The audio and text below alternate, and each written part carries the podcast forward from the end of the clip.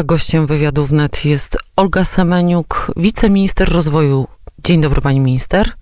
Dzień dobry, panie redaktor, witam wszystkich państwa. Szczycicie się państwo, że 140 miliardów e, w ramach różnych instrumentów wrzuconych na rynek, 6 milionów miejsc pracy obronionych dzięki działaniom rządu i Polaków e, dzięki płaconym podatkom.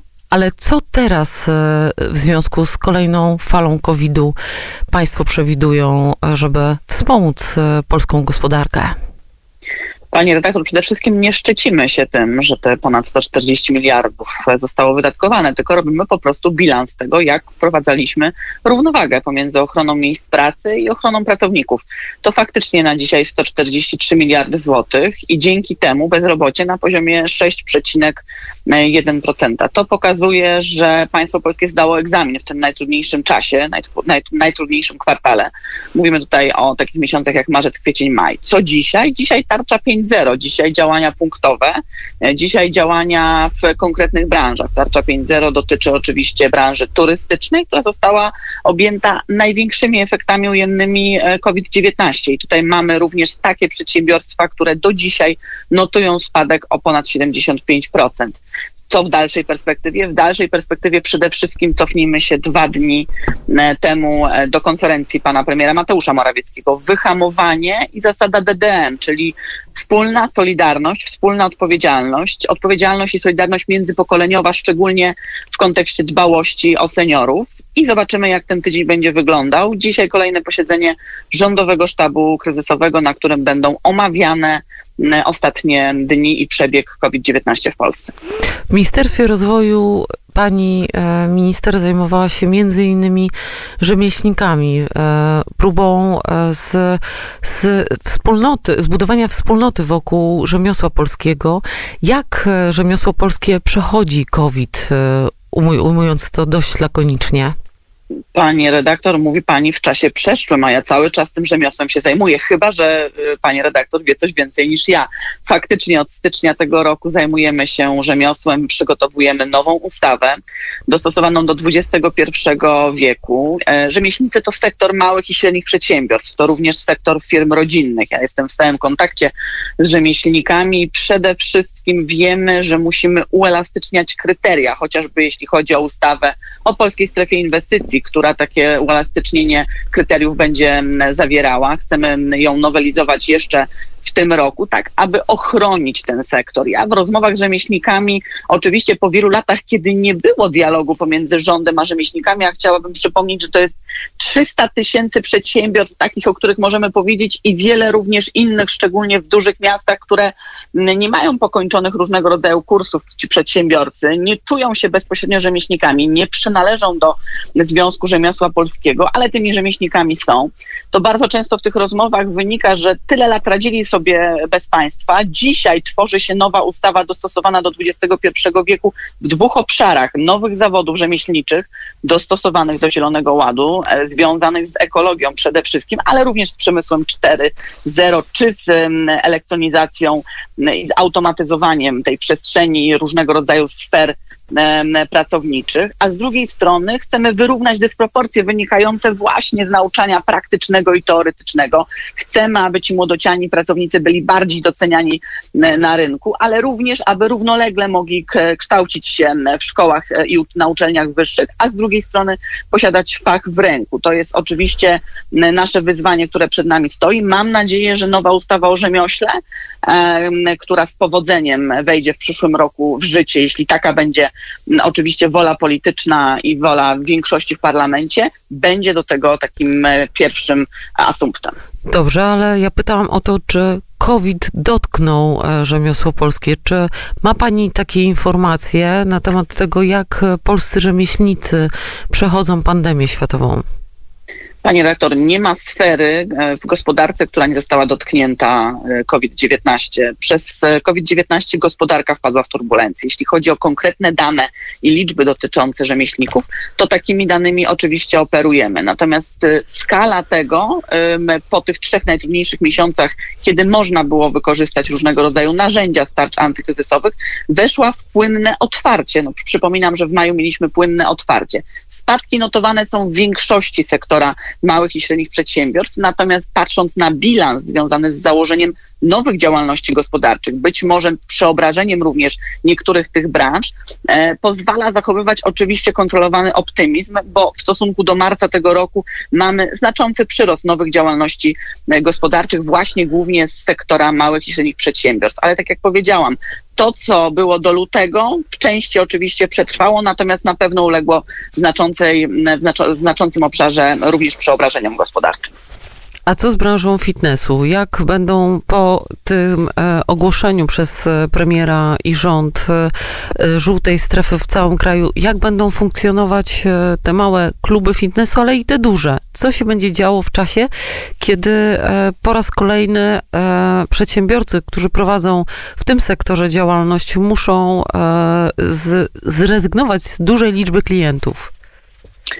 Reżim gospodarczy, o którym mówił pan premier Mateusz Morawiecki, wchodzi w życie. On musi wejść w, de facto w każdej gałęzi, w każdej branży. Jeśli chodzi o same kluby fitness, mierzymy się z ograniczeniami, ale mierzymy się również z takimi ograniczeniami w gastronomii, jeśli chodzi o godziny otwarcia e, lokali. Mówimy również o ograniczeniach w samych sklepach. Po to to robimy, aby nie wprowadzać lockdownu gospodarczego, bo naszym głównym zadaniem dzisiaj jest ochrona bezpieczeństwa, zdrowia i życia Polaków, w szczególności seniorów. I o to chciałabym zaapelować, aby jeszcze raz mocno to wybrzmiało seniorzy, jeżeli nie mają takiej potrzeby, najlepiej, jeżeli zostaną w domu w tym najtrudniejszym teraz e, etapie drugiej fali pandemii. Jeśli muszą skorzystać z tego, są wprowadzone konkretne godziny seniorów. Jeżeli chodzi o kluby fitness, to musimy też podzielić te kluby fitness na te, które funkcjonują na obszarach dużych galerii handlowych i na te, które są oczywiście mniejszymi e, klubami fitness występującymi już poza tymi galeriami handlowymi. Tych z kolei jest około 15%. Ja od marca de facto tego roku prowadzę spotkania branżowe dotyczące właśnie tej kondycji. Już od około tygodnia spływają do mnie kolejne prośby o to, aby ewaluować i prowadzić taką ewaluację spotykać się na nowo, więc wydaje się zasadnym, aby takie spotkania odbywać. I co dalej, pani redaktor, jeśli wyhamujemy, jeśli wszyscy będziemy solidarni, jeśli wszyscy wyhamujemy ten e, przyrost związany z COVID-19, mam nadzieję, że będziemy mogli stopniowo znowu uwalniać i schodzić z tych ograniczeń. Ale cała Europa jest na takim etapie, na którym te obostrzenia po prostu muszą wejść w życie po to, aby nie doprowadzić do, sytuacji z marca tego roku. Tymczasem handlowcy apelują o przywrócenie niedziel handlowych. Czy to było, e, to, ten temat e, był w sferze zamysłu sztabu i e, Urzędu Rady Ministrów? Pani redaktor, ten temat cały czas tli się gdzieś w przestrzeni publicznej. Ja wczoraj również e, usłyszałam w jednym z wywiadów, że jedna z frakcji politycznych zamierza na spotkanie z panem premierem, wtorkowe spotkanie z panem premierem Mateuszem Morawieckim ponad podziałami politycznymi ze wszystkimi frakcjami właśnie w kontekście COVID-19 przedłożyć taki projekt ustawy, który właśnie będzie wprowadzał możliwość handlu w niedzielę. Natomiast my tutaj znowu musimy pamiętać o równowadze pomiędzy e, przedsiębiorcami a pracownikami. Musimy również brać ogólny wynik i tendencję gospodarczą. E, musimy również weryfikować, jak wyglądały przyrosty finansowe, jeśli chodzi właśnie o tę niedzielę handlową. No bo pragnę przypomnieć, że głównie ta niedziela niehandlowa była wprowadzona po to, aby ochronić prawa pracowników. Na pewno będzie tutaj temat i, i będą włączeni przedstawiciele Rady Dialogu Społecznego społecznego, więc to nie jest tak, że możemy wykonać e, jeden ruch jedną ustawą w kierunku danej i tylko jedynej dedykowanej grupy e, społecznej. Z naszych e, obliczeń, z naszych wyników, ale również z konsultacji z Ministerstwem Finansów, ta niedziela nie jest głównym i ta niedziela, ta niedziela handlowa nie była głównym komponentem czy silnikiem finansowym, jeśli chodzi o, o cały tydzień, więc myślę, że tutaj szerokie konsultacje społeczne, jak również zapewne przedstawienie tego projektu ustawy przez poszczególne frakcje. Z tego co pamiętam, to chyba Lewica ma taki projekt zgłosić, zgłosić panu premierowi Mateuszowi Morawieckiego. No będzie po prostu leżał na stole i będzie poddany pod dialog. Pani minister, e, zmienił się minister konstytucyjny. Teraz e, w Ministerstwie Rozwoju dowodzi Jarosław Gowin. Jaka jest różnica między polityką poprzedniej pani minister Jadwigi Emilewicza e, a obecnym ministrem Jarosławem Gowinem? Jakie zapowiedzi e, przedstawił nowy minister i co państwo, czym państwo przede wszystkim się teraz będą zajmować w Ministerstwie Rozwoju? Panie redaktor, oprócz tego, że zmienił się minister konstytucyjny, to również zmieniła się nazwa resortu. Nie nazywa się już to resort rozwoju, tylko resort rozwoju pracy i technologii. Doszło nam wiele różnych nowych kompetencji i nowych obszarów do działania. Tak jak zapowiadał pan premier Mateusz Morawiecki, chodzi o to, aby usprawnić pracę tych resortów. A jeśli chodzi o sprawy personalne, to oddzielmy znowu politykę od merytoryki. Faktycznie od niecałego tygodnia urzęduje już e, nowy minister konstytucyjny, premier Jarosław Gowin. Ja na ten moment de facto mogę powiedzieć personalnie, że nie odczuwam żadnej różnicy, jeśli chodzi o funkcjonowanie, dlatego że w trybie codziennych zadań, które są stawiane, czy to przez bezpośrednio przez premiera Mateusza Morawieckiego, czy, czy przez poszczególnych ministrów, nie mam czasu zajmować się samą polityką. Kierunki, które będą wyznaczone dla, e, dla samego e, ministerstwa, to na pewno kontynuacja walki z COVID-19, na pewno ograniczenia co do e, rozprzestrzeniania się tego wirusa w gospodarce. To są takie cele, które pan premier Jarosław Gowin będzie kontynuował i tak wynika z rozmów, które są prowadzone w samym resorcie. No i oczywiście etapy proinwestycyjne, no bo pamiętajmy o tym, że po czasie COVID-u przychodzi po prostu moment, w którym trzeba to tętno gospodarki e, odbudowywać szybciej niż w czasie przeszłym i to musi po prostu nastąpić, więc mam nadzieję, że tutaj również te wszystkie obszary proinwestycyjne, nowelizacje różnego rodzaju ustaw, ale również wdrażanie różnego rodzaju subsydiarności dla sektora szczególnie małych i średnich przedsiębiorstw czy firm rodzinnych, to będzie miało miejsce. Mamy również pakiet ustaw, chociażby związanych z mieszkalnictwem, czy ulgą robotyzacyjną, czy właśnie ustawą o rzemiośle, no, które siłą rzeczy są przygotowane, leżą na stole i decyzją i wolą premiera E, Gowina mam nadzieję, że będą kontynuowane. Ale tak jak powiedziałam, różnica w funkcjonowaniu jest żadna, bo światło zapala się codziennie, codziennie wchodzimy i wychodzimy o tej samej godzinie po wielu godzinach e, pracy. To Pana, pani zdaniem, e, jakie, jakie zachowania konsumentów, e, Polaków powinny w tej chwili występować, żeby wspomóc polską gospodarkę.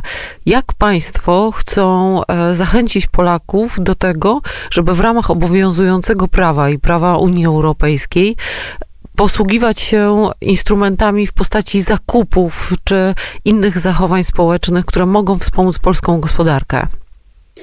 Panie redaktor, to jest bardzo ważny temat, który był e, poddawany pod dyskusję już na początku tego roku. Dotyczy automatyzacji i cyfryzacji, dotyczy przenoszenia po pierwsze swoich przedsiębiorstw do internetu, po drugie zachęcania różnych grup społecznych w różnym wieku do tego, aby zakupy robić oczywiście w internecie. To pod to trochę jest przeciwwaga do samego rzemiosła i sektora małych i średnich przedsiębiorstw, choć rzemiosło również można uprawiać e, w internecie. Żyjemy w takich czasach, w których spotykamy się online, rozmawiamy również przez telefon, robimy różnego rodzaju kongresy właśnie w sposób hybrydowy, uczymy się również w sposób hybrydowy w szkołach i dokonujemy różnego rodzaju takich codziennych e, czynności właśnie przez internet.